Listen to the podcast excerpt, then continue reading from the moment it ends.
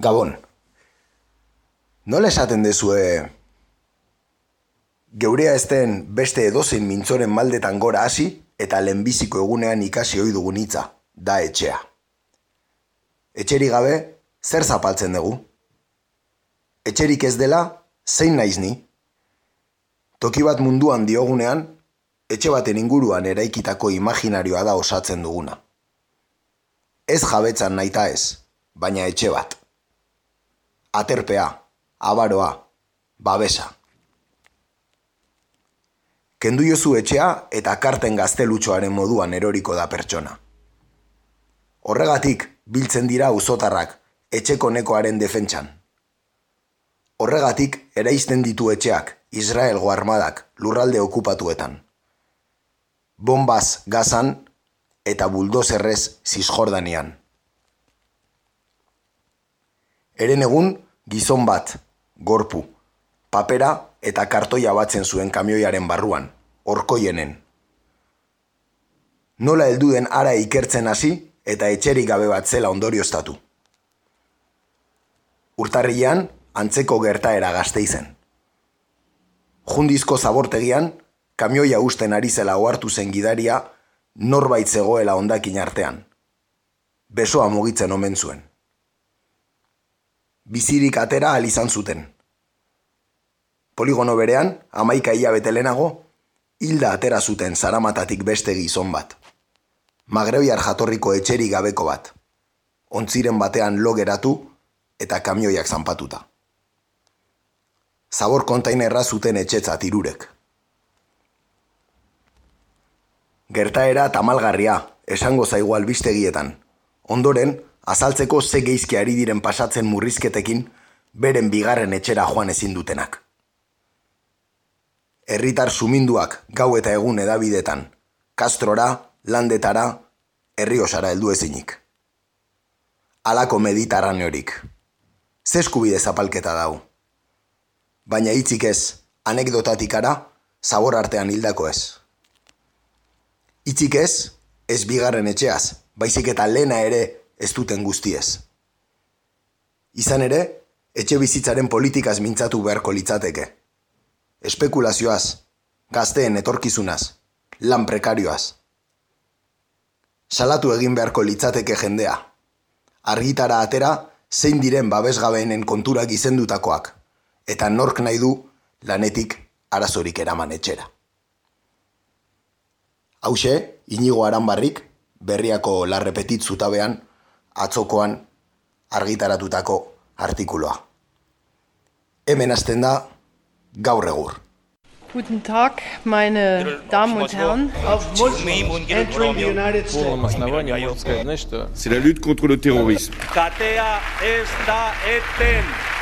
Agirre, garaikoetxea, leipaola. Gaur egur. Gaur egur. Gaur egur. Jolasten eta enredando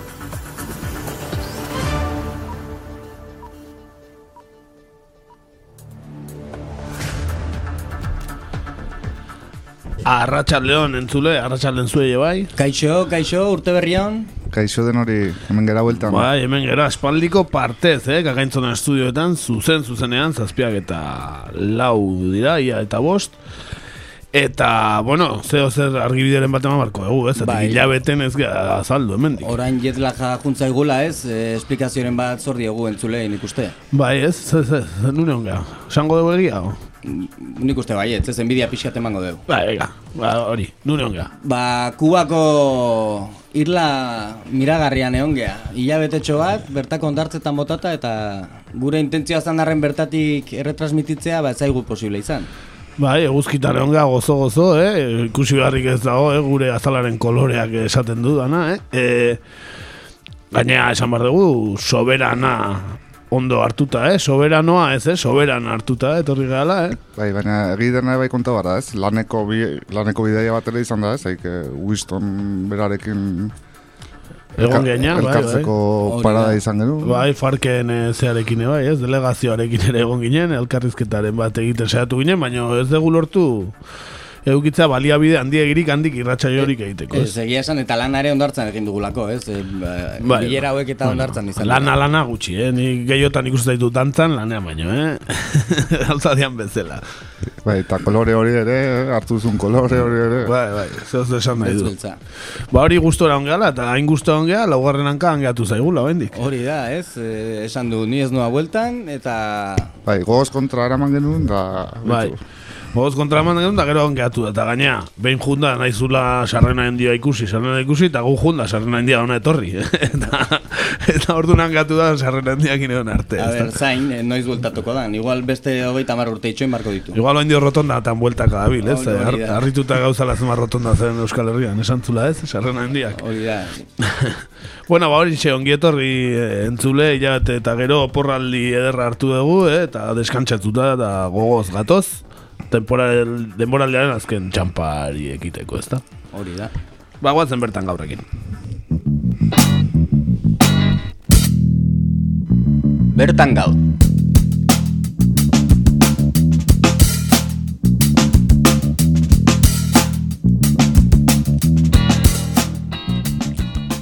Gaurkoan, bertan gaur ataleko gaia, sare sozialek ezarri digute. Izan ere, ez eskerrik asko Gladisen lehioa dokumentaleko kidek Twitter bidez esan ziguten elkarrizketa bat egin nahi bagenien beraiek pozik emango liguketera. Eta guk eh, horrelako konbidapenei ez dakigunez muzin egiten, ba noski, baietz esan genien.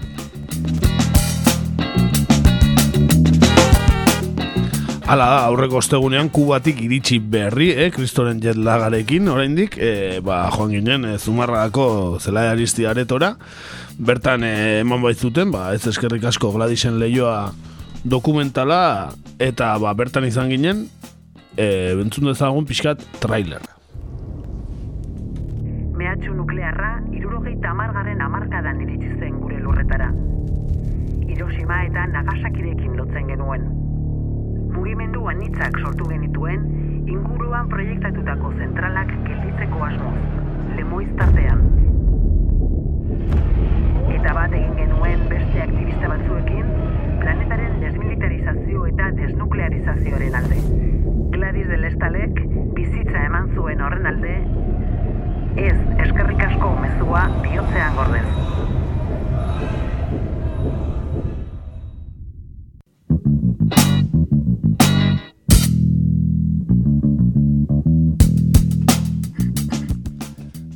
Larogeiko hamarkada hasieran mugimendu antinuklearra puripurian zegoen nazioartean, eta baita Euskal Herrian ere. Kostaldean eraikitzear ziren hiru zentralez gain, Lemoiz, Eaiz Paster eta Deba, argedasen laugarren bat egiteko asmoa zegoen. Horren aurka protestatzeko, mobilizazioak antolatu ziren tuteran. Gladys del Estal Ferreño tuterara joan zen, baina etzen itzuli. Manifestazio baketsu hartan, Guardia Zibil baten tiroak hil zuen. Film honek Gladysen gertakarien arira garaiko gizartearen onespena lortu zuen mugimendu sozialaren erretratu bat egin nahi du. Bueno, hortxe eh, dokumentalaren sinopsia, eh, irakurri berri deguna, eta bai, hori eh, ikusten egon ginen, eta ba, Twitterrez lehenago esan ziguten, eh, ba, preste duela edo gogotxu, ba, guri elkarrizketa bat emateko, eta orduan ba, ba nola ez horrelako gaia eta horrela ez e, gonbidapena jasota ba joan ginen eta gero elkarrizketa bat egin genien e, bueno, egin genion zuzendariari. Esan zuzendaria berta gaztelumendi e, dela bera etorri zen zela aristira eta Sabin Ormazabal izan dela gidoigilea gidoigile nagusia dala ba garai hartako neo, ba, nuklearraren aurkako mugimenduko ba bueno ba garaiko pertsonai garrantzitsu oso garrantzitsu ez E, esan bezala, berta gaztelumendirekin egon ginen, eta elkarrezketa entzungo dugu orain. E, esan berta, agiana entzule asko ezagutuko duzuela, urte luzetan e, Latinoamerikako ETB-ren korrespontxala izan zelako. Eh? Irunda arra da, eta esan bezala kazetaria, baita zine zuzendaria, eta Euskal Herriko Unibertsitateko giza eskubiden eta botere publikoen katedrageko ikertzailea ere, bai, gaur egungo lana berea hori da. E, beraz, ba, gaur egunen e, agertzetik e, gaur egurrera, etorri da, eh? oraingoan berta, eta ba, entzun dezagun berari zinean eh, dokumentala ikusi eta gero egin genion entrebi, entrevista edo elkarrizketa. Bueno, ba, hemen gaude, e, berta gaztelumen direkin, ez eskerrik asko Gladisen lehioa ikusi dugu zela aristi zinean, zumarragan, eta hemen gaude berarekin, bueno, e, berrogei urte atzera egiten dugu historian, ez da, e, asko aldatu dira garaiak. Jo, nik uste baietz. E, igual, ez dakit, kontestu handi batean berrogei urte ez dira izer, baina nik uste azkeneko berrogei urte hauek asko izan dira batez ere diktadura batetik atea gainelako, eta orduan, ba, ez dakit, e, marra oso oso signifikatu, bueno, oso sankorra zan, ez? Eta gero, ba, bueno, bizimodua e, eta egiteko moduak e, era bat aldatu dira, gu gaztekinenako, gaurko gazteekin konparatuta, ez? Nik uste horrek harritzen ditula gazteak hau ikusterakoan. Baina, e, ze eraldatzeko gogoa, ez? Sistema edo, bueno, bizitzeko era eta planteatzea bizi hobe bat o mundu hobe bat bazegola, ez? Orain igual ikusten ez dana, ez? Bai, guk orduan e, pentsatzen genuen ba, mundu aldatu genezakela eta benetan sinisten genuen horretan, ez? Eta orduan kemen horrekin juten ginean ez bakarrik manifestazioetara, bileretara, hainbat oso oso aktiboak egoten ginean, eta kalea zan gure tokila, kalea zan informazio puntua, ez? Gaur egun bakegu hori ez da laula, ez? Beste sistema batzu daudela komunikatzeko. Eta ordun ba, sasoi horretan, ba, claro, zu etortzen zara horrelako ilunpenetik, diktaduraren iluntasunetik, ba, ez dakit, demokrazia aste hartzegoen bat, eta ordun dana zan berria, eta gaina dana zan erregulatu gabe. Esan orduan, orduko, ez dakit, urte hoiek, momentu batean izan ziren, ba, askatasunaren ikuspuntutik, askeagoak, gaur egunekoak, baino. Osea, ikusi zuten arte nola egin. Orduan batzen horrelako margen bat, nun, ba, bueno, sormena itzela zen ere bai. Ez dakit, oso biziak. Ba, azkenen zurruntasun bat horren eta ematezunez, ba, bueno, dana ez da garri azala, guain berriz, berriro zurruntasun desberdin bat emain zurruntasun baten gaudela ematen du. Ematen du bai, efektivamente, badirudi eskuin aldera eginten nahi gehala, Europa guztien gainera ezaugarri dela, eta bai. Gero da mugimendu ekologista bat, bat ez antinuklearista ez, eh, mundu mailakoa, Eta, bueno, pixkat azaltzen diore bai, belaunaldi berri, e, kotxeko pegatina, baino askoz gehiago izan zala movimendu hori, ez? Karo, nik uste dut orduan, e, antinuklear mugimendua zan, baina orduan hasi zen ekologia zitze egiten. Zian e, kontzeptu berriak ordurako. Orduan ikasi genuen zertzen eta mugimendu honekin segintzen ba, ekologismoaren oinarriak jarri, gero garatu zen Euskal Herrian, eta gero taldeak sortu ziren, ja, ja ez dakite informazio asko gehiago, eduki gehiago, eta bar, eta bar, ez, energia berreztagarriak, ba, batek daki, zeu lertzen genuen guk horrek hori esan da, ez, berria zan. E, eta gero, aria edo, e, historiaren aria da, e, egontzan biktimatako bat, ez da, naiz eta biktima bezala horrein diko nartu ez da, e, Gladys de Lestal e, donostiarra, ez. Bai, gure helburuare bazan pelikula honekin hori adiraztea edo errebindikatzea, ez? Ba, oraindik ere estatu biktimatzat ez dagoela onartua, ez? Eta aria, bueno, aria, aria asko egon daitezke pelikulan, guk ere lortu nahi genuen antimilitarismoarekin, baita ere, ba, bueno, e, bomba atomikoarekin, ez? Nondikan gatozen azpin marratuz, eta nondikan etorri zen, ba, ez dakit, egarri hori e, zentral nuklearrak jartzearenak, ez? Ba, e, bide guzti horiek egin nahi genitun azaldu, eta bueno, eta ze interkonexioak izan daitezken edo bakoitzak e, interpreta ditzakenak, ez? Horre gero ekarri zuen alde batetik Euskal Herrian mugimendu ekologistak, bueno, gero beste burruka hainbat e, izan ditu, garaipen gutxiago agian, ez da, ura bai izan zen, e, bueno, ba, gizarte zibila mobilizatu eta gelditza lortu zen gauza gutxi horietako bat herri honetan. Hala da, hala da, baina nik uste gero, ba, bueno, ondorioak izan dira, ba, bueno, nik uste e, ekologiaren kultura zabaldu dela, eta ez bakarrik militanten artean, bezik da, gaur egun sensibilizazio eta kontzientzi gehiago dago, ura egon espalitz, ez ginen puntu hontan egongo ez, adibidez, orduan. Bai, iritsi gara baita multinazionalek ere ekologia saltzea, ez? Bueno, bai, hori eh, bastante hipokrita da, baina, bueno.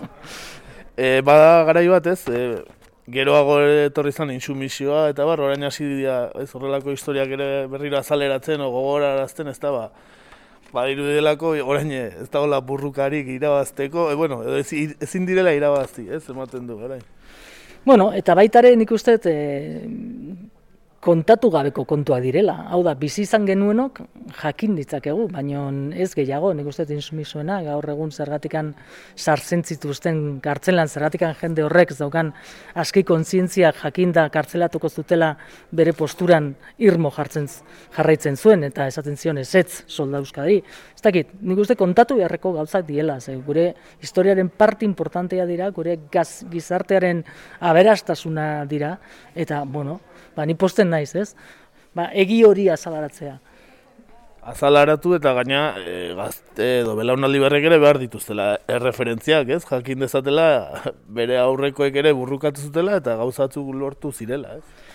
Bai, eta nik uste, bueno, hau oso iritzi pertsona da, baina nik uste zure toki jabiatzeko munduan jakin behar dizu nundikan etorri zean, ez? Eta jakin behar duzu zure gurasoak zer ziren, eta zeinekin zeuden, eta ze gertatu zan, ez? E, azken finean zuk hori dena edan egin duzu.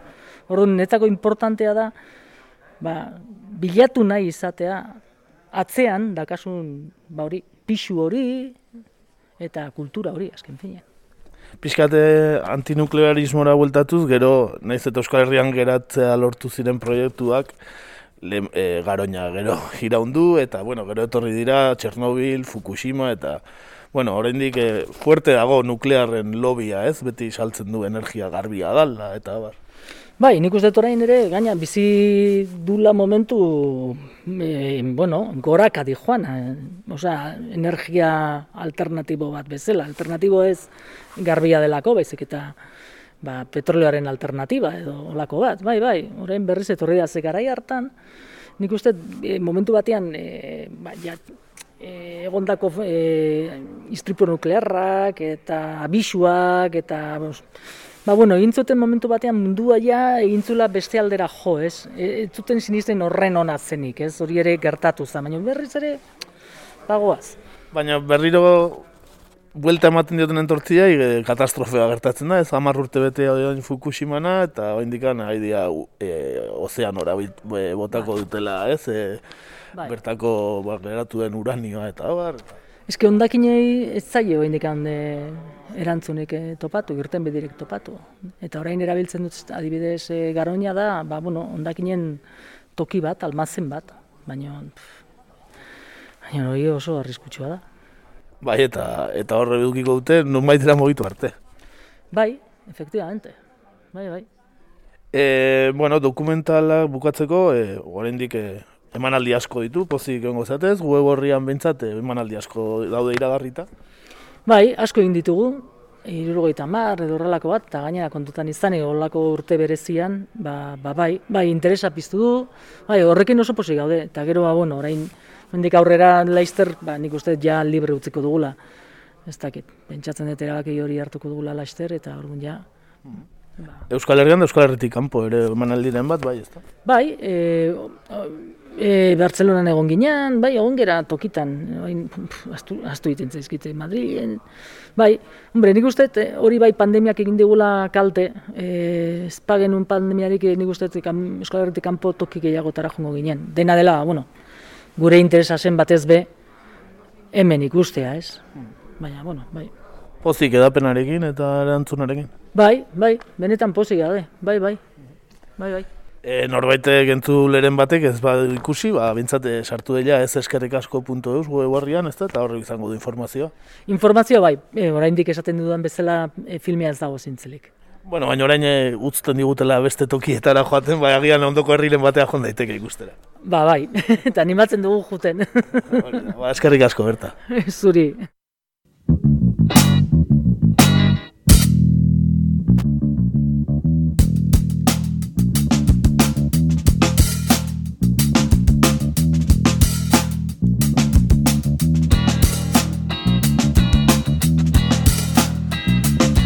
Bueno, ba, oso interesgarria dokumentala eta oso interesgarria ba, bertarekin euki genuen elkarrezketa, benetan eh, eskartzen diogu, eh, gurekin elkarrezketa egin nahi izana. E, lehenago ere jorratu egun gaia da, ez, bai Gladys del Estalen hilketa, ez, lehen urtean edo ipatu genuen nik uste, berroi urte bete zirenean. eta baita, bueno, nuklearren garaia, eta orain dela ez asko Fukushima buruz ere itzen genuen, ez, amar urte zianean. Bai, eta gogoratu beharreko zeak digertakarik diela, ez? Azken finean, e, badauketelako egunerokotasuna, eta impunitateak eta nuklearren kontrako borrokak ere, gaur egun modu batera edo bestela, ba, irauten duelako, ez? Eta referente batzuk izan behar ditugu, beraz, ongi etorria dokumentala. Bai, hori esan e, norbaitek ikusi nahi badu, ba, ez eskerrik asko punto eus e, web horrian daudela, ba, iragarritan, emango den oraindik, eta bar, eta entzun diogun moduan, e, agian ez oso urrutira e, aske utziko dute, beraz, e, pentsatzen jarriko dutela e, ikusgai interneten ez, eta pentsatzen dugu gorrian bertan egongo dela, edo beraz ikusi nahi duenak, ba, jarraitu dezala. Esan berta gaztelumendirena e, dokumentala ez dela bere lehen lana, e, bosgarren dokumentala duia. Badauka esperientzia orduan. Bai, 2008an Mariposa zen el hierro e, egin zuen, indarkeria mota desberdinei buruzko gogoeta, e, non emakumean paper aldarrikatzen den gatazkaen konponkeetan eta gizartearen eredu berrien sormenean. Hori izan zen bere debuta zuzendari modura. Feminismoaren ikuspegitik orduan, ez? Nigar Franco egin zuen aitak, e, 2008an, honek guardia zibilari eta eduki zituen ondorioi buruz hitz egiten du, e, lehenengo pertsonan dago narratuta bilabonako biztanle batzuen gandik. 2008an Las Buenas Compañías, errenterian mila batzen etik egon ziren borroka feministei buruz hitz egiten du. Eta Wikipedian jartzen zuen ez, irurun da berrogeita mar emakume baina espetxeratuak izan dira. Irurogeita ma o ez dakiten doiztik, e, adulterio, abortua eta prostituzioa egotzita. Horri buruzkoa. Errenterian soilik. Ez dakit, e, interneten aurkitu duten informazioa neko urria da, eta ez daukat ikusita egia esan dokumentala. Las buenas compañías. Eta 2008an Bolar, dokumentala hau ere, genero indarkeria gatik tratu txarra jaso dituzten adin eta lan desberdinetako beheratzi emakumen bizitza kontatzen duen lana da. Eta esan bezala, azkena 2008an e, dagoen e, eta e, aurreko astean ikusi alizan ez eskerrik asko gladisen lehioa. Beraz, bueno, lan oso interesgarriak ez bakarrik azken hau, baita besteak ere, beraz, jarraipen egiteko moduko zuzendaria da, berta gazten. Hori da, beste elkarrizketa bat agian egingo diogu noiz bai. Bera pres bada, gu ere, seguru baietz. Eta hori xe, ba, eskerrik asko berriz ere, e, e, bai berari eta bai kontaktua eman zigun e, bere ez dakit prentxardura duna edo zer den, baina, bueno, aspaldiko ezaguna dugu eta bere bidez ere lortu genuen elkarrizketa, beraz berari ere eskerrik asko. Eta ba, besterik gabe nazio artera joango gara.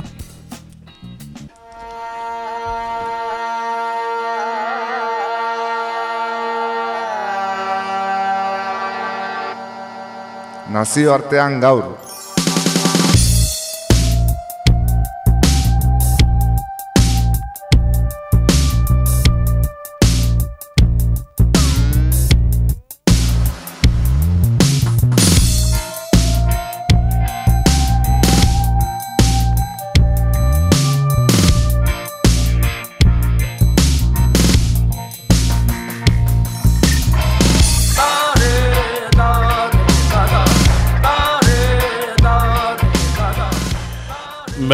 Beno, entzulek seguru asmatuko dutela gaur noiz noragoa zen, eta denbora kontua ere bazen, eh? noski, eh, nazioarteko atalean berriz ere, eta zoritxarrez, Palestina eta Israelen arteko gatazka aipatzea ez da. Amaierarik ez duela dirudien gatazka dau, zeinak da dagoeneko iruro eta ma iru urte bete dituen, ez da. Berriro ere violentziaren espiralean sartuta aurkitzen den gunea da. Violentzia asimetrikoa, noski e, beti izan den moduan.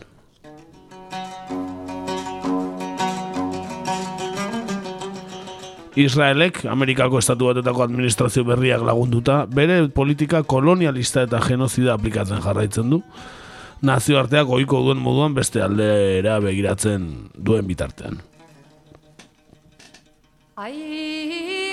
يا شعب الوطن يا مقاوم الاحتلال Bueno, zein izan da orain honetan, gatazka krudelonen kausa? Bueno, esan gatazka honen arrazoinaren muina edo, e, aurki genezakela azkenekoetan bezala mila behatzerun da eta zazpiko gerran, ez? Seigunetako gerra famatu harretan zeinetan Israelek e, ilegalki okupatu zituen lurralde batzuk eta horietako asko oraindik mantetzen dituen, ez? E, gogoratu e, Sinai okupatu zuela, Sinaiko penintxula osoa, Egiptoren menpe zegoen. Hau, itzuli egin zion, Egiptorekin bakeitzarmen bat sinatzearen truk, ez? Laro gaitabian Camp Davideko itun famatu haiek. Gero Gazako hegoalde guztia okupatu zuen eta okupatzen jarraitzen du. Cisjordania ere Jordaniari kendu zion eta okupatzen jarraitzen du. Ekialdeko Jerusalem eta hau izan da kausa orain ikusiko dugun moduan eta okupatzen jarraitzen du eta baita Golaneko gainak ere, ezta? Sirian kokatuak azken hauek.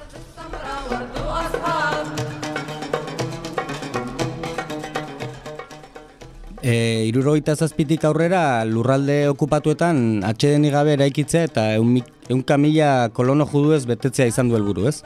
Batez ere zizgordar azken urteetan. Eta, beno, esan garbiketa etnikoaren eskuliburua alboan zuela egin duela guzti hau. Eta esan dugun moduan, ba, Jerusalenen edo alkutz e, musulmanentzat, ez? Hiri sakratu honetan kokatu behar dugu orainko honetan krisia honen kausa. E, izan ere, badakizue duela gutxi bukatu dela Ramadama, ez? Eta bertan, e, Jerusalenen e, mezkiten plat, plata ez dakit nola ditzen zaion euskeraz, baina bueno, lautadan edo, behar bada hori da. Bertan alaksako mezkita famatua kokatzen da, ez? Eta errezo eguna zela, ba, Israelek bertan zeuden nahi oldartu, eta berriro ere 2000 garren urtean bigarren intifada piztu zuen ba, provokazio berbera erabiliz, ba, bertako oldartu zitzaien, ez? Eta, bueno, esan, e, honez gain, ba, familia palestinar batzuk, seik jarrako auzo e, Jerusalen ekialdeko auzotik botatzeko egitasmoen ondorio ere izan dela, ez?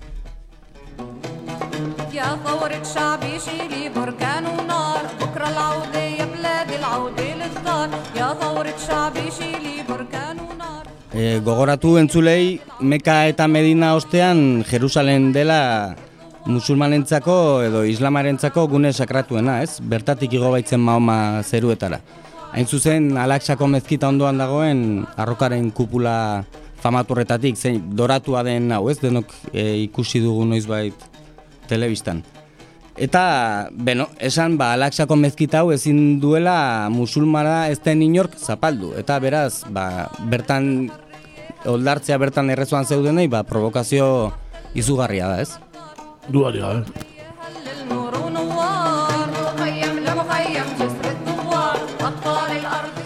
Hala ere albisteak ikusi ditugu Jerusalemen e, izan bazuen ere ez, ba, afera honek hasiera edo ez, gatazka eragin zuena, ondorioak e, ikusten ari gara gehien bat e, gaztan pairatzen ari direla oro ez? Bai, ala da, izan ere jamaz dago, ez, e, aferan sartuta, eta noski esan galtzaileak hemen beti berberak direla, ez? E, aipatu behar da, bueno, eta aipatu, azpimarratu eta salatu gazako zerrendan armadak edo Israeleko ejertzitoak dajila doktrina deritzona aplikatzen duena, ez? Eta hone, izen honekin ezagutzen ditugu Beiruteko hegoaldeko auzo xizitetan aplikatu zuten metodo bat, ez? Laro bian gogoratu xaurra eta xatilaren e, urte berberean. Eta e, doktrina honek zera esaten du, azpigi egitura zibil posible guztiak suntxitu behar direla.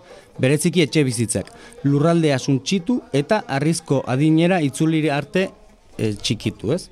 Eta, bueno, esan doktrina honek e, duela urte batzuk, e, Israeleko armadako buruzagia zen gadi eizen koz generalak, e, esan zuela, zibilak, terroristak babesten zituztela, eta, bueno, doktrina honek bazuela zilegitasuna, ez?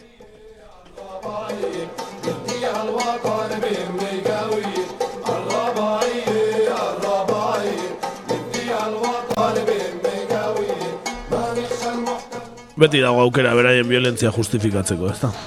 Hala da, zoritxarrez. E, orain kontan gainera, zori gaiztoko efemeride batekin egin du topo, atazka honen hasierak ez, edo krudeltzeak.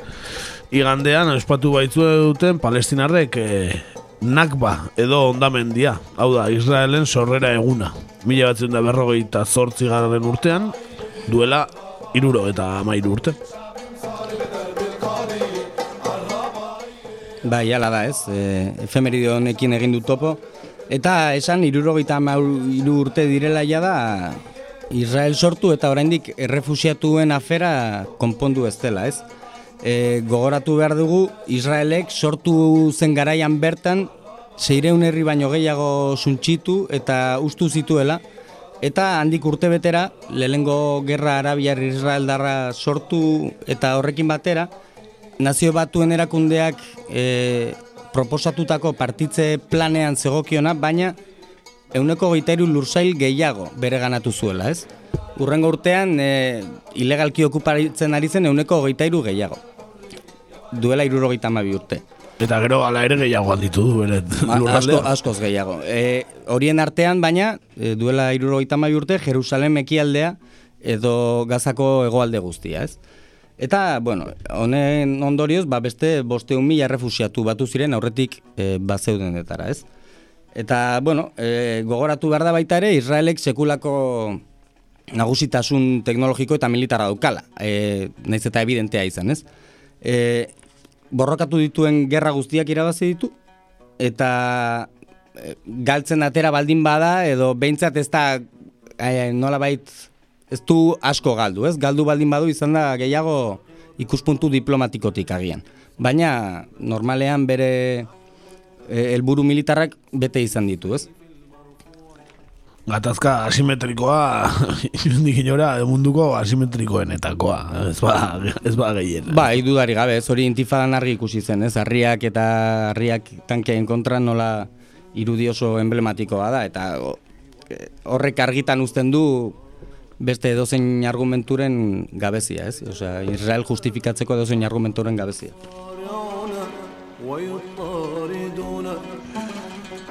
Krudeltze honek eh, ze, ze, ze saldo ekarri du oraingoan hildako etan.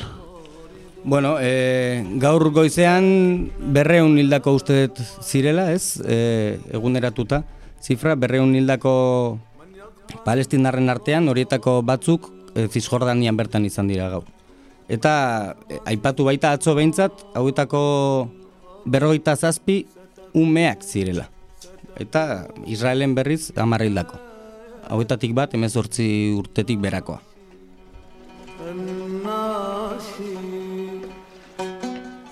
Beraz, lau aldiz ume gehiago hildla Palestinan, e, Israelen e, hildako guztiak baino, ez da? Hori da.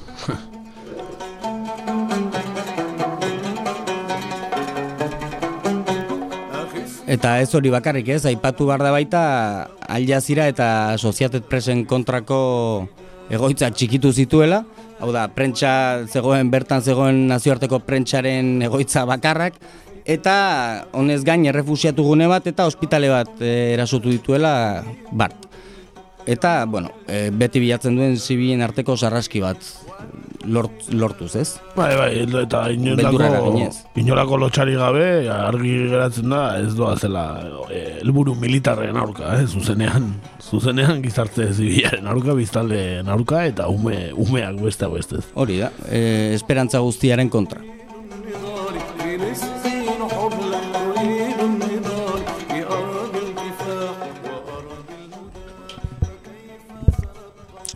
Manta batean bildua, Omar Al-Hadidik negar egiten du Al-Shifa ospitaleko kaosean. Bosti jabete eskaseko haurtsu hau Israelek zerutik egin zuen sarrasketik bizirik atera den pertsona bakarra da.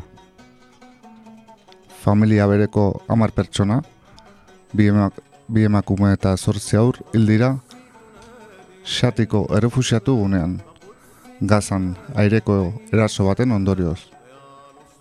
Omar, bere ama majaren gorpuaren azpian aurkitu dute.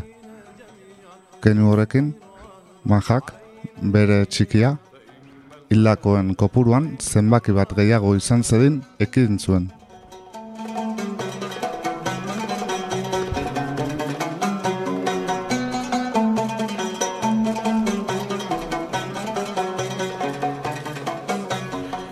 Gutxi gehiago esateko, ez? Horrelako testigantza bat entzun eta gero, ez? Bai, eta horrelako asko daude, ez? E, aipatu aurreko ez dakit larun bat zen, garan adibidez, e, iritsiko saiean, e, gazako osasun mentaleko bueno, e, medikuen buruak edo artikulu bat idatzi zuela, bueno, garak jaso egin zuen bentsat artikulu hau, eta izugarri ona dela, ber, gaza bertatik idatzitakoa, eta hemendik e, alba irakurtzera gomendatzen zaituzte.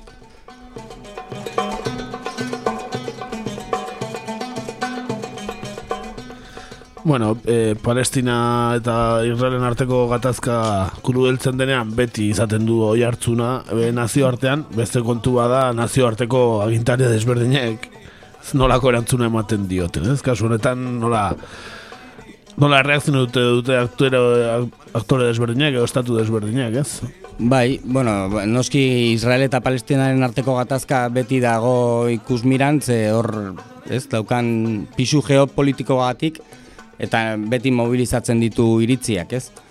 E, baina, bueno, kasu honetan, espero dezakegun genezakeen gidoia pasatu da, baina aipatzearen esan betamindetan jahu orain Israeleko lehen ministroa denak, ba, bueno, argit utzi du aspalditik bere asmoa okupatutako lurralde guztiak bere ganatzea dela, ez? Eta, bueno, bere buruan dena dago elmuga horri, horri etzeko prest. Eta, beno, ikusiko dugu, e, boterean betikotzea lortzen duen, egunotan dago hori jokoan, ez? Bakizue Israeleko gobernua nahiko ez dela oso establea eta ez dituela nahikoa lagun, baina... Ba, baina dituen aliatuak, e, ba, erradikalena dira, eh? Ba, hori da, eta, bueno, e, oraindik behintzat hor jarraitzen du, ez? Netan jaku naiz eta, bueno, e, ustelkeria kasuak ere badiren horratzean. E, beste aktore garrantzitsu bat, kasu honetan jamas da, ez? E, jamas e, gogoratu gazako zerrendan bueno, nagusi den indar politikoa dela, eta bueno, erakutsi du orain gontan, nolabait gazako zerrendan eragin duten eriotza eta suntxipena gora bera, ba, e, badaukala erantzuteko almena, ez? Nahiko txundituta utzi du mundua, bota dituzten zuziri guztiekin, naiz eta gogoratu behar den beti indar asimetriko hau, Ba, egia da beste batzutan, baino nolabait e, preparatuago edo ikusi ditugula. Ez dakigu horretarako ere ze laguntza jasote duen, baina tira. Eta, bueno, e, esan dugun bezala, ba, goitan ez da Jerusalen, ez? E, afera, eta naiz eta gaza egon eta gaza blokeoan jarraitu, ba, iz, jamaz Jerusalemen alde borrokatzen ari da, ez? Hori da eskatzen duen, hau da, e, Jerusalen aldetik Israelek tropak atera ditzen e, ez da erresa izango, baina bere eskaera orain gontan hori da. Eta beste bat, Mahmoud Abbas, ez dakit inork ikusi izan duen, telebistan azken aldiotan, palestinako presidentea dena, ez? E, aspaldi ez dakite bere berri ez. Ez dakigu ez da bizirik dagoen izena bai, baina... Covid-a jota, hongo, Behar ba, bai, COC jota bai, ez? E, baina, bueno, txontxon bat, da, ez? E, eta nola bait, ez, ez du inoiz ezer salatzen, eta Europarre finantzatzen dute, geldi egon dadin, e, Palestinako autoritate nazionala, eta honek men egiten du, ez? Naiz eta Israelek zizkordanean ba, bere presentzia handitzen jarraitzen duen, ez? Modu ilegalean.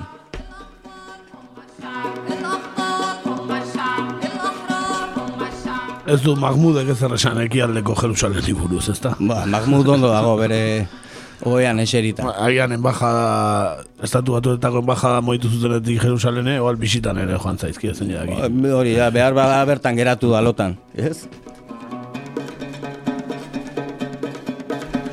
Oiek bertako aktoreak, baina nazioartean ere, eh, baude, batzuk ez da garrantzitsua katazka honetan. Bai, ez, e, eta betikoa, betiko aliatu aliatua, e, kasu honetan estatu batuak, eta presidente berriarekin, ba, bueno, e, denbora kontua zen, ez, bazekien bere agintaldian estanda egingo ziola horrelako zerbaitek eta bueno, nahiko hasieran egin du eta e, esan dugun bezala ba, gidoia bete da, ez? E, Israelen aldeko apustu argia erakutsi du eta ez hori bakarrik e, nazio batuen segurtasun kontseioan ere dagoeneko blokeatu du, ez? E, bakea edo nolabait e, soluzioa bilatzeko Israelen ez den bide alternatibo bat, ezta? Uste eta haute esan zuela, bajada moitu gozuela edo ez, ez zaipatu zen. Jerusalemetik Tel Avivera, bai, esan nahi zu, bai, nekarri. Bai, behar, behar bada bai, baina... Ez dakit esan zuen edo, bintzat, eh, gaia azaldu zen, ez dakit behak ez, e, ozer argirik esan zuen gaiari buruz, eh? Nik ere ez daukat e, informaziori, baina, bueno, e, Azkenean neurri simboliko bada hori, ez? Eta Bai, bai, gatazka berdi jarraitzen du, baina bueno, ez? Areagotze bat izan zen Trumpekin eta hori orain- da, areagotze bat izan zen, baina bueno, e, azkenean e, estatu batuek, e, nola baiteko beti segurtasun kontseiluan blokeatzen, blokeatzen jarraitzen baldin badute dozein Israelen kontrako neurri, ba, Jerusalen edo Telebabin egotea, ba ez dauke bestelako garrantzirik. Baina bueno, azkenik aipatu Europar batasuna, Mahmuda bat bezala ez, ba, politika neutroaren aldeko irudia zabaldu nahian, ba, Israelen aldeko apustu argi bat egiten duela, ez? Eta hemen desmontuturen hitzak gogoratu nahi genituzke, ez? Neutralidade edo injustizia egoera batean neutralidadeko neutralidadearen aldeko apustu egiten baduzu, ba, benetan esplotatzailearen aldeko apustu egiten duzula, ez? Ba, bai, kasu honetan imperialismoarena, ez da. Hain zuzen. Argita garbi. Bueno, eh, gatazka eternoa, eh?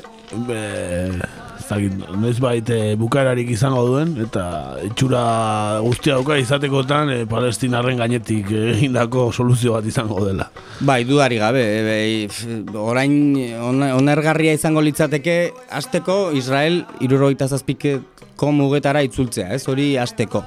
Eta hortik aurrera ba negoziatzen hasi. Behar bada, bi estaturen arteko gaur egun bi estatu sortzea ez da bestelako soluziorik ikusten, naiz eta inoren gogokoa ez izan, ez? Baina zein edaki. Ez dut uste ikusiko dugunik irten biderik gure bizitzan, zoritxarrez. Bueno, ba hori, betiko gatazka, sionistak eh, nagusi, eh, ekialde eh, ez, urbilean, eta eta bertako polizia lanak egiten dituen bitartean, ba beste inorrek ez dio zaunkarik egingo txakurrari, ez da? Alaxe da. ba horrelaxe, ba abestitxo bat egin, eh, utziko dugu nazioartea, Palestinako talde bat ekarri dugu, Apo and the Apostles, eta izena, uia bizena, eh, abestiaren izena, Phil Zaman.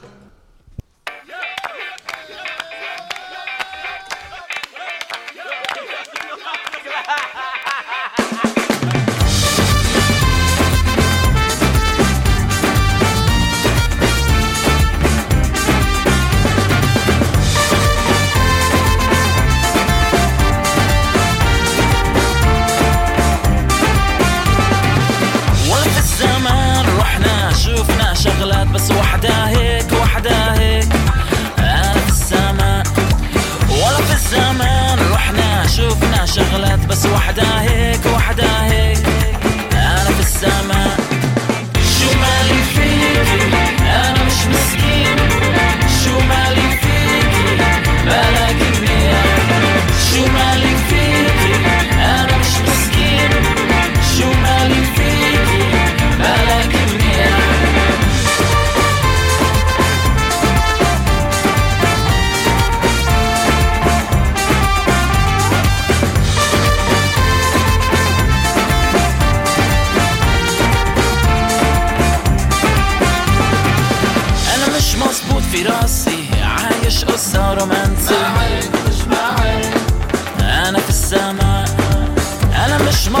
في راسي عايش قصة رومانسي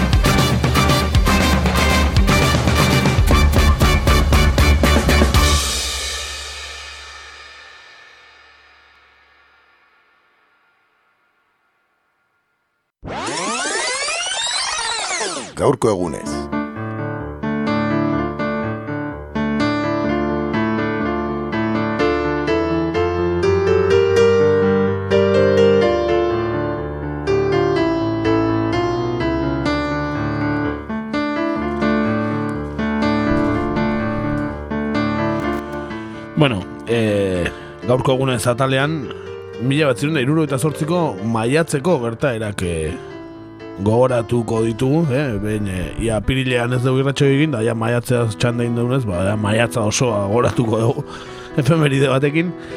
E, iruro eta sortziko maiatza ba, mugarria izan zen, ezta ondorengo urteetan gertatuko ziren e, zenbait fenomenoren abia puntu bezala ere hartzen da.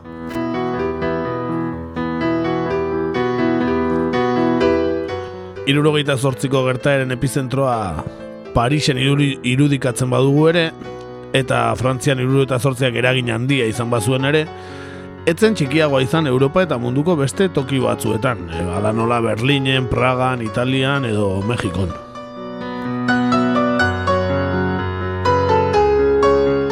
Goazen ba, irurogeita zortziko maiatzaren testu ingurua ezagutzera eta irurogeita zortziko maiatzak munduan eta gurean izan zuen eragina eta ondorioak zeintzuk izan ziren ikustera.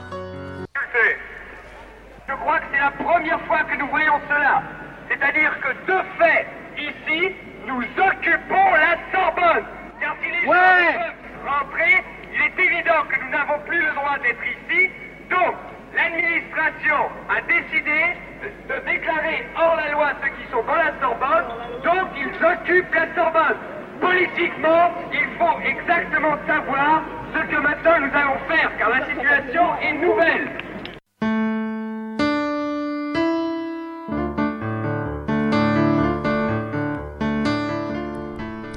Azteko eta behin, e, non eta zein testu ingurutan edo nolatan piztu zen mila behatzerun da zortziko maiatza delakoa? Zeintzuk izan ziren aurrekariak edo nola, nola heldu ginen une horretara? Bai ez, e, pizka bate garaiko kontestua ulertu behar dugu ez, ba, kontuan hartu behar ditugu ba, Vietnamgo gerra garaia zela, e, Frantziak e, Afrikan izan dako e, deskolonizazio prozesuaren garaia zen. E, aipatu jada martxoan zehar ezkerreko hainbat aldek e, zenbait protesta e, deialdi egin zituztela, eta hainbat e, musikari eta poeta ospetsuk e, ikaslekin bat egin zuten.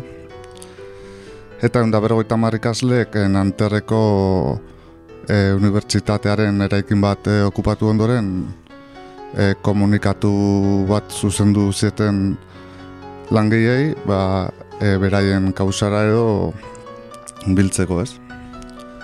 Aipatu, ba, garaian, ba, hainbat e, idazle ezagunen artean, ba, Jean Paul Sartre, e, Simon de Beauvoir, eta e, bueno, Foucault eta beste hainbat e, zeduela ez. E, hori e, baita ere pixka bat Sorbonako unibertsitateko giroare, e, anarkismoa, situazionismoa, existentzialismoa, ba, bueno, e, garai hartan ematen ziren ez eta, bueno, pixka bat, e, zopa guzti hori e, batu behar da, ez? Nasi hori, ez? Filosofiak indarra edo gizartean eragina zuen garaiak ziren haiek. Bai, bai, Twitterren ez da baiatzen ez ziren garaioetan. Hori da.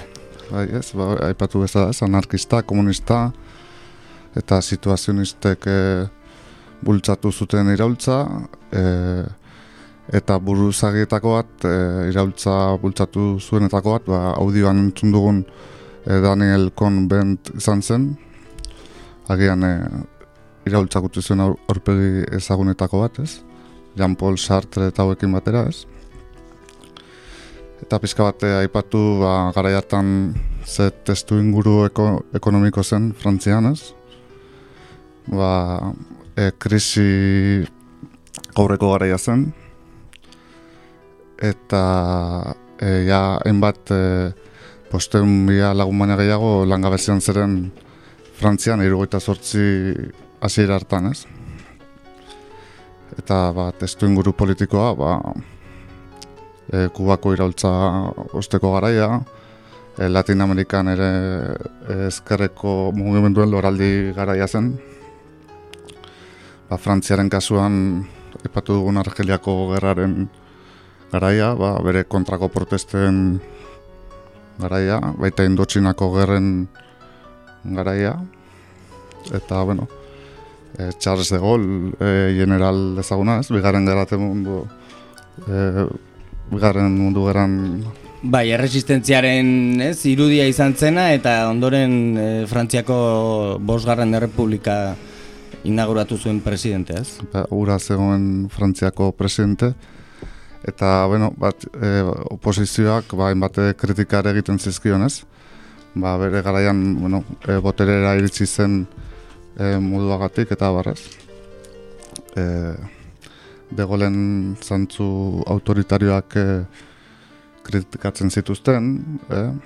eta bueno, pixka bate, giro hori zegoen irugaita sortzi hartan Frantzian, ez? E, eta bueno, ja, oinarrian aipatu ba urte bete lehenago e, unibertsitatea reforma bate bultzatu zutela, eta hainbat protesta giro ere hasita zeudela ikasleen artean, eta ba, poliki poliki ba, e, ikaslei ba, e, langileak ere batzen hasi zitaizken, ez?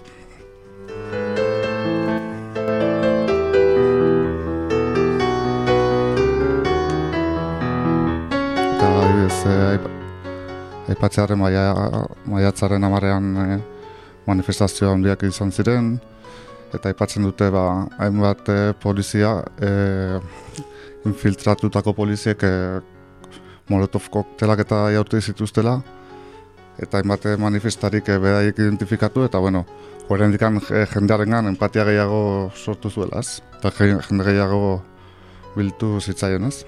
Eta hasieran adibidez begi honekin, e, osea mugimendua begi oso honekin ikusten zuten ZIET bezalako sindikatuak ere e, batu ziren ez. Naiz eta gero askok ba, e, ba, leporatu ziren zakit, ba, pixat posture ba izatea edo.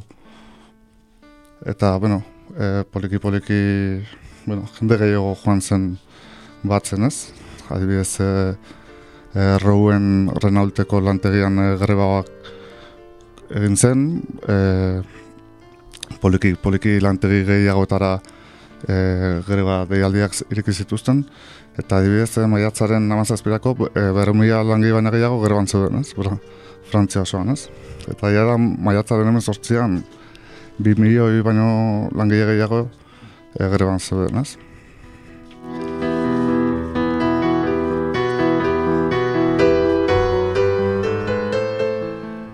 Eta hori e, langileek e, ba, ikasleen kin konparatuz edo alderatuz ba, e, proposamenak e, radikalagoak e, esigitu zizkioten gobernuari ez? Eta de gol presidentearen kaleratzea eta adibidez e, hainbat e, enpresak e, langileen esku ustea eta bar eskatzen zuten ez? Ba, langilei berai kudeatzen ustea eta bar eta bueno, pixka bat e, egun batzuk e, geroago sindikatuek e, akordio bat egin zuten e, gobernuarekin, e, gizarte gaien ministroarekin, eta soldaten egoera nahiko handi bat e, sinatu zuten ez. Amar eta eguneko goita bost artekoa ez. Eta, bueno, e, aipatu ba, sindikatu handi eta ea ase e, geratu zirela horrekin. E, hautezkundeak ere deitu zituzten, e, guztaian egin zituzten hauteskundeak eta poliki-poliki ba, mugimenduaren... Ba, inflexio puntu bat izan zen, ez? Ja, gainbera edo, ez? Ja, e, garaipentxo batzuk izan eta ja, bueno, hasierako ez, aparraiek ja, pixka desartu zen. Hori da, iraultzaren girin hori ja pixkanaka itzatzen joan zen, ez? Bai, hori ja, irugaita zortziko hautezkunden, osea, irugaita zortziko ustaiko hautezkunden ondoren, ba, ipatu e, gobernua indar, indar dut atera zela. E, ba, adibidez, e, Charles de, de Golek, e, Larun da largoita zei eserlekuetatik, irun da berrogeita mairu jaso zituen, ez? Bere alderdiak ez. Eta adibidez eh, sozialistek e, berrogeita mazazpi bakarrik e, atera zituzten ez, eta alderdi komunistak hogeita malau bakarrik ez. Ezkerra hulduta atera zen gainera. Bai, erabat ahulduta ez.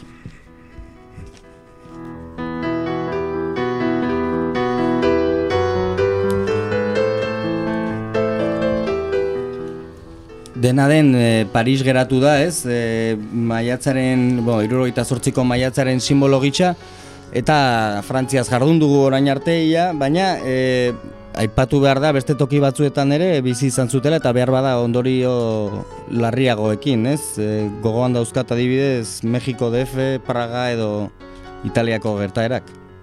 Bai, bai, bai, dudari gabez, zuke bakizun duaz, Mexikoko zokalo Tlatelolkoko plazan, ez, ean oain hiru kulturen edo deritzon plazan han e, sekulako sarraskia gauzatu zuen Mexikoko ejertzituak, ez? E, ez dakigu gaur egun oraindik ere zenbat zenbat hildako izan ziren ere, pentsa. Hori da, ez, Eta bai. italiari buruz ere itzen genuen iaz, ez? Italiako iruro eta sortzia, edo, ez? Hori da, bai, e, bai, lehenengo txe- Txekoslovakiako gertarak ere aipatu behar ditugu, ez? Non e, Sovietar batasunak eta e, Varsoviako itunak e, ba, Praga inbaditu zuten, Txekoslovakia inbaditu zuten, ez? Ba, bertako mugimendu sozial askatzailearen aurka. Eta ba, e, hor, e, ba, adibidez, e, alderdi komunista ofizialak ez, Italiakoa eta Frantziakoa eta bar, ba, nahiko hotz e, mintzatu ziren, edo bueno, nahiko epel, eta ba, ez zuten ikusten ez oso begitxarrez ikusi invasioaren kontua, eta bueno, e, ba, gaz, hainbat gazte eta hainbat e, oinarriko, e, bueno, oinarriko e, militante ba, kontra atera ziren ez, alderdien kontra ez, eta bueno, e, zuk aipatu duzun bezala, adibidez Italian oso gatazka gogorrak eh, hasi ziren ez. E, bueno, aipatu e, austeritate garaia zela, e, Italiako alderdi komunistako idazkari nagusiak ez, Enrico Berlinguerrek, ba, adibidez bere militantei ba, austeritate eskarak egiten zizken ez. Eta austeritatea ez, e, agian ez zentzu neoliberalean ez, e, gehiago igual zentzu etikoan ba, ez, proletario bezala bizi eta bar. Ba, frugalidad, igual, ez? Ma, Autoridad baino frugalidad. E, gaztelaniaz bintzat nik hor ikusten dut e, Bai, a- matiz txiki bat edo, bueno, ez dakit nabardura txiki bat behar bada, ez? Deitzekoena. Bai, eta e, ba, adibidez e, kontestu hortan, ba, hainbat ezkarreko mugimendu sortutu ziren ez. Ba, C. Gil zen orduan Italiako alderdi komunistaren sindikatua, eta ba, e, lantokietan eta ba, protestak hasi ziren, eta esaten da ba, sindikatuko kideak eta ba, protestan ari ziren eta gogor oldartzen zitzaiela, ez?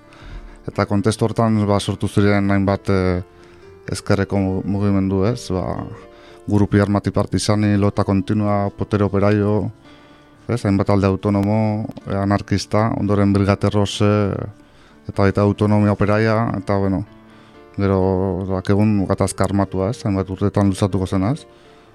Eta, ba, pixka bat e, Europan, ba, hori ekarri zuen irugaita sortziak, ez?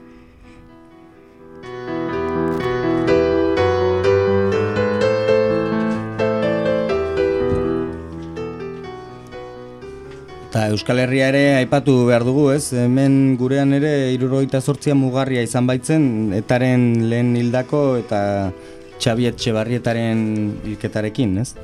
Ba, bai, ez, e, nun baite, irugaita sortzia dramatikoa izan bali zen, Euskal Herrian ere izan zen, ez?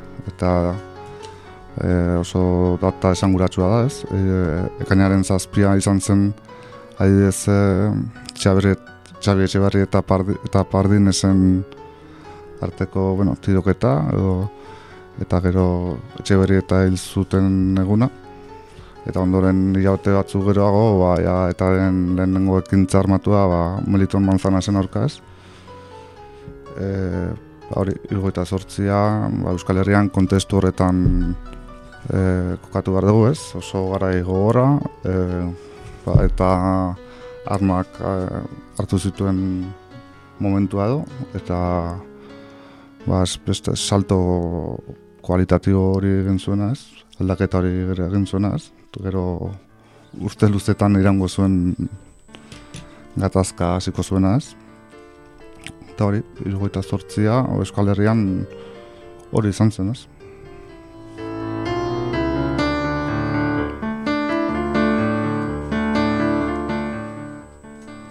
Eta orokorrean ze ondorio edo aipatu ditzakegu iruroita zortziko maiatzak e, sortu zuituenaren inguruan edo ze, ze gertatu zen iruroita zortziko maiatza eta gero munduan?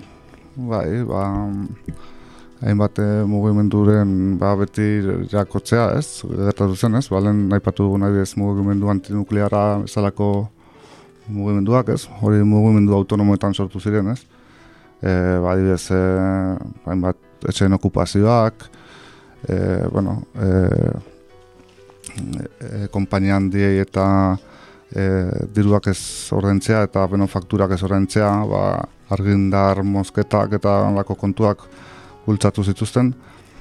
Eta e, bueno, besteak beste, e, urte batzuk ondoren gai mugimenduaren errebindikazioa, lehen irrati libreak ere, ez, gara hartuan sortu ziren, ez? Bai, kakaintzona da, ez, ez, iru eta sortzian sortu zen. Bai, Parixen bertan gainera, handaukago egoitza. E, lehen, lehenengo irrati librea italian sortu zen, Radio Alice, ez? Eta, e, bueno, gero, hilabete batzu geroago poliziak itzu zuen, eta, bueno, gero, geroago sortu zituzten, onda de urto, eta beste, hainbat irrati libre, ez? E, zent, zentro sozialak eta horrelako mugimenduak ere gara hortatik datoz, ez? Eta bueno, pizka bate aipatu e, batez ere Frantziako mugimenduaren e, lema edo esloganetako bat, e, debekatzea debekaturik dago, ez? E, zerako kontuak ziren, ez? Ba, pizka bate ere sexu askatasuna eta e, bueno, horrelako gauzak ere ba, errebindikatu ziren, ez? Eta adokinen azpian dago ondartzare, bai, ez? Eta azkenean ikusi genuen etzela egia, ez da? e, zea, area igual bai, baino zemento area zela. Dena den badago beste irakurketa bat, ez? Eta e, irurogeita zortziko maiatzetik e, dobertan parte hartu zuten asko eta asko, eta e, gero nola batu diren neoliberaren kausara, ez? Ez dakit e, orain izen propio horik datorkidan, baina e, bai irikizela bidea, ez? E, debekat, debekatzea, debekatze honek ere badauka nahi badugu lotura bat aiusoren askatasunaren kontzeptu honekin, ez? E, ez dakit e, bai. behar bada debekatzea kasu batzuetan ez, ez baitago gaizki, ez? Bai, nik, eh, hainbat hausnarketetan eh, kontu hori bera atera zuten, ez? Adibidez, nola baliatu ziren hainbat liberal asko, eta adibidez, Italiaren kasuan, eh, ondoren etorriko ziren telebista pribatu horiek eta, ba, e, urte batzu lehenago, irugaita sortziko mugimenduak bultzatutako e, reforma batzuei esker etorri ziren, ez? Hori egia da, gero, ba, Bai, azkenean eh, ondorioak ezin ditugula ez alde aur, alde zaurret irakurri eta behar bada nahi dugunaren horren kontra ere joan daitezkela ba, bai, bai, bai, bai, bez, Berlusconiren ba, loraldiarez, ba, ez, lege horri esker etorriko zen, ez? Bai, bai, hori hola da, ez? Baina, bueno, eh... Bai, bai, bi aldetatik eh, gauza dauzkala dudari gabe edo hiru edo bost, baina... Ba, eta movimentu hortan parte hartu zuten buruzagi ez gain, e, ba, parte hartu zuten jende asko gere, bueno, e, aldatu duela bere ideologia edo ez, esan liteke ere bai, seguru eski. Eta gero ontzien ere hauteskunden emaitza ikustea besterik ez dago. Claro. Ba, batzu kale hartu batzuten ere, kalea hartu ez zutenak ere mobilizatu zirela, eh, bozkatzeko. Hori da, Elizara joan da gero jendea beti joaten da bozkatzera, beraz. Ba, gizu, ile luze hipioien aurka egitea ere jende asko moitu zuen, eh.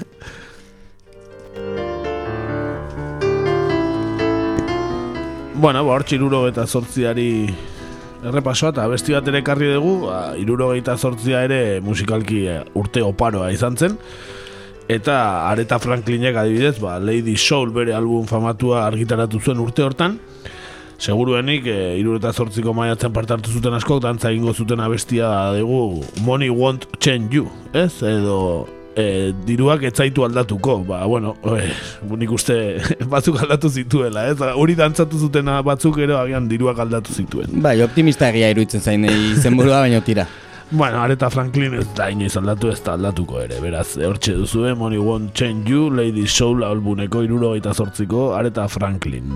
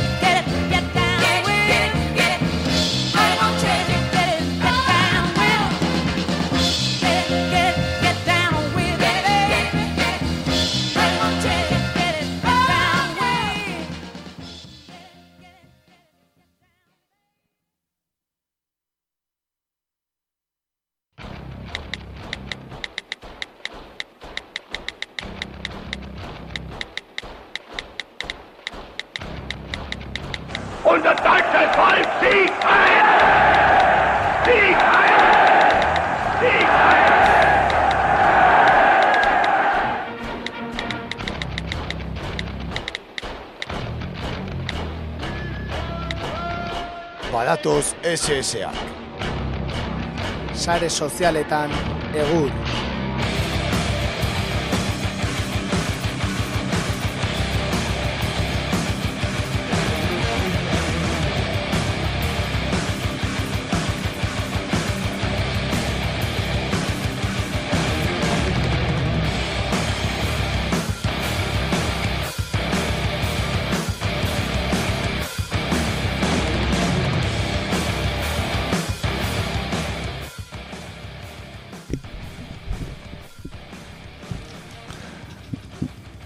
Gaurkoan, sare sozialetan Euskal Diasporari bizita egitea tokatzen zaigu.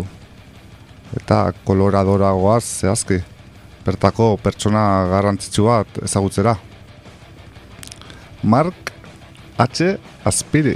Bai, ez dakit H. Hitsfieldan edo Arkaitz, igual Mark Arkaitz, igual ez dakit, eh, Mark Aritz, igual ez dakit. Baina bai, Mark H. Aspiri. Zein ote den galdetuko diozu ez da, zure buruari, zein ote da Mark H. Aspiri, eh? Pertsonai interesgarri bat ziur. Koloradoko buru batzarreko presidente agian, ez dakigu. E, bakiguna da, Euskal Diasporaren erreferente handia izan dela, eh? Mark H. Aspiri, Koloradoko estatuan batez ere. Amerikako estatu batuetako senaturako hautagai gisa aurkeztu zen e, 2008an, eta bere kanpaina zentratu zuen bere Euskal eh, jatorrian, eta e, ikusi daitekenez Koloradon Euskaldunok e, bueno, fama ona izan behar dugu, zeren e, bere biografian eta ba, dena ba, bere Euskal jatorriari buruz eta kanpaina handia egin zuen eta eta hau irakurri genezaken e, garai horretan 2008an bere web horriko ba, titularretan. Landa komunitatean hasia, Mark H. Aspirik, laster ikasi zituen bere euskal erentziari lotutako balore indartsuak. Enpresari eta filontropo baten semea, lanaren eta ikasketen balioetan hasia izan da eta fedean oinarritua. Fedean, eh? Nola ez? Euskaldun fededun. Euskaldun fededun, erabat. Bueno, bere enpresa jardurez gain, P3 fundazioaren sortzailetako bat eta presidentea ere izan zen, Mark H. Aspiri. Fundazio horren helburua komunikazioaren hezkuntzaren eta laguntza humanitarioaren boterea erabiltzea Filipinetako gizarteko sektorerik aulenen artean bakea eta oparutasuna sustatzeko. Eh? Ojo gure markekin, eh? Ez hori bakarri, 2008ko bere senatarirako hauteskunde kanpainan eh, Ronald Reaganen esaldia erabili zuen, eh, referente handia bitu Mark H. Aspirik. Amerikan aldaketa handi oro jangelako mai batean hasten da, esan zuen Ronald Reaganek, eta hori erabili zuen Aspirik, baina euskera, euskaldunoi lotuta, ezta? Esan ba, euskaldunok ere gure kulturan, ba, beti ideia oso antzekoa transmititzen direla, ez? Euskaldunon arteko gauza garrantzitsu guztiak e, bazkari edo afari batean eragitzen direlako, ezta? E, zea bat gehiago, ez? E, nola da, da, e, Topiko bat edo bai, bai bai. hori da, azkenean, bueno, eh, Hortxe, gure Mark eh, H. Aspin.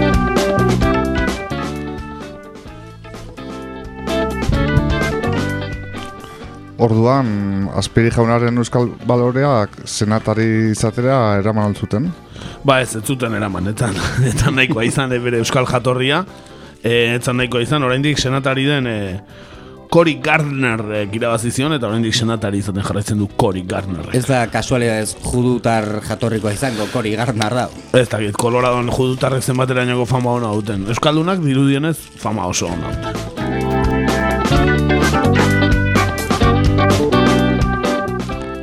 Eta zergatik ekarri zu orduan Aspiriren gaia zazpi urte geroago. Ah, ojo, ba bai, eh, zeratik anakan, koño, ekarri ni markatxe aspiri.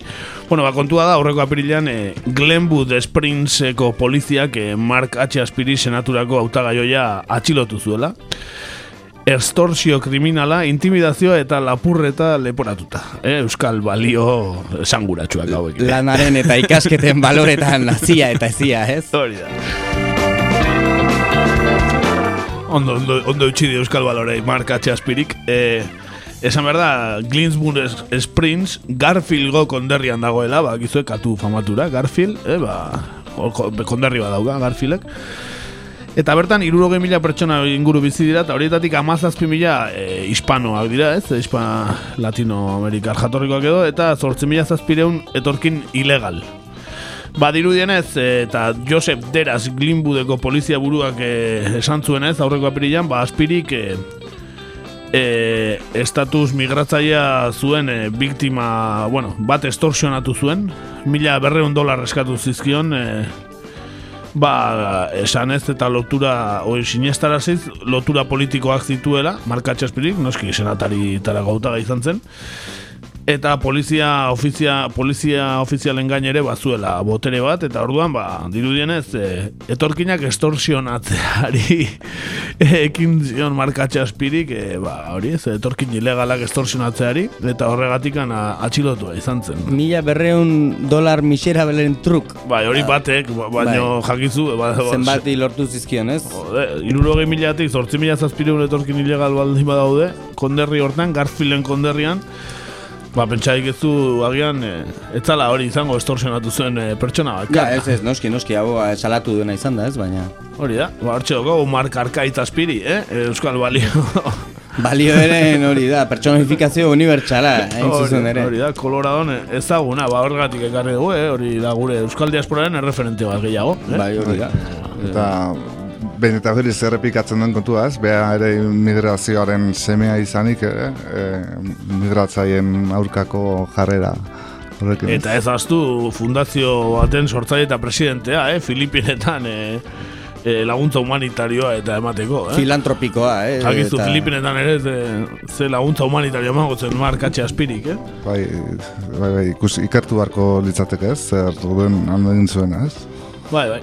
Nik uste e, Euskal Diasporaren erreferente handia. Ba, Inaken asagesti eta gero izan dezaketen erreferentziarik handiena. agian. Bai, oraingoz eh, rankinean gora doa, ez? Nahiko inasagasti, anasagasti harrapatzea zaila dauka, baina tira. Baina bai, horti, ez lehalako Venezuela nazi, bestela hor gertu biliko zen. Baina bai, Coloradon, eh? daukagu Mark H. Aspiri gertutik jarraituko dugu. Eh? Agian, eh, EAJaren hautagai berria izan daiteke Coloradon, eh? Mark H. Aspiri. Dudari gabe. Eta bertan tren bat eraikian kainoiaren erditik. Hori da, arantxa tapiak lagunduko dio. Gaztadian bezala egiten hor, eh? Coloradoko kainoietik. Agian e, kartzelara sartzen badute egunen batean, gero mendik lagunduko diogu, eh? ateratzen da hori. Ba, hori da, ba, emango dugu dirua eta telebistan dokumentalak eta dana egingo dizkiogu, ez? Seguru aski. Eh? Ere, bai. Be- Beste referentzia handi bat diaspora, euskal diasporarena, ez da? Hor daukagu, bai. E, ba, hori, xe, e, hori, hori ekarri zuet, ez dakit interesatea intzai zuen, e, markatxe aspiri. Bai, dudari gabe, H hitzak esan nahi duen, bueno, deskubrituko dugu, baino oso interesgarria. Behar bada, ez dakit, bere jatorri espainola azpimarratzen duen hitz bat dago horren atzean, edo jakizu, Hernández, adibidez. Hernandez, igual, ez dakit, aspiri, Bai, esku, eskutatu nahi duen abizena, eh? hori oso, oso jeltzalea da hori, eh? Bai, hori ere izan bai. Agian bai, ez? Igual... Hidalgo. Zein aquí. Zer zer izango da. Bueno, ba, hori xe ekarri dut, eta... Osa, sozialetarako, eta hoxe gaurko gereukan guztia. Hilabete eta gero, eta pasa egun jet laga eta gero, ba, nahikoa, ez? Nahikoa egin dugu gaurko irratxai honekin. Bai, munduan gauza asko gertatu dira, baino guk esan bezala ondartzatik ez du ezer nabalitu. Beraz, Ez hau dira gauza askota zentera, egia. Hori da. Esan behar da, eh, hau zapore gozoa utzi digula, soberana, eh, etxertuak, eh? No, dago. Eh, Ai, ez du hemen? Ez, Bat ez, ez. gainera alkola dantzitekeen eta ez, ez, eh, gomendatu ere bai. Nik uste azalaren kolorea entzako ere lagungarri izan da. Bai, melanina uste zeukela txertuak Bai. eta Bai. zuzenean moreno moreno jarri. Ba, bai, nik olako kolorerik ez dut eduki aspaldi. Izugarria. Maskariak pixkat kendu digu aukera, baina tira. Ba, baina, bueno, abano harretzerakoan usten zuten maskaia kentzen eta... Ba, nahiko bai, eta rona hartzerakoan ere bai, beraz, esan dut maskaria gutxi erabili dugu egia esan. Hali da. Bueno, ba, hortxe, abesti bat ekarri dugu, e, e, Neil Young, gaur e, klasiko handiak entzuten ega, eh? Neil Young with, with Crazy Horse taldeak, e, taldearekin atea zuen, egin dela ez asko, Colorado izeneko album bat, eta orduan ba, bertako abesti bat Think of Me ekarri dugu, ba, marka txaspiriren omenez, eh? E, seguru genik aspirina batzuk hartu beharrean izango da kartzelan, gure mark, eraz, beretzat ba, nahi jon, izan da dila beretzako txertoa. Ba, hori xe, datorren astean hemen ongo gala, ez? Ez badu Raul Castro deitzen, eh, berriro bueltatzeko, eh? proiekturen bat pendiente utzi dugula. Bai, eta bai, azkenean abandoren bat ere erretzeke utzi dugu, beraz ez dakit, ez dakit. Nik uste menengo gaur gazten, baina, bueno, zein Bai. daki. Zein daki Raul Castro ditu gote digun edo zer. Ba, hortxe, Neil Young uh, with Crazy Horse, Think of Me.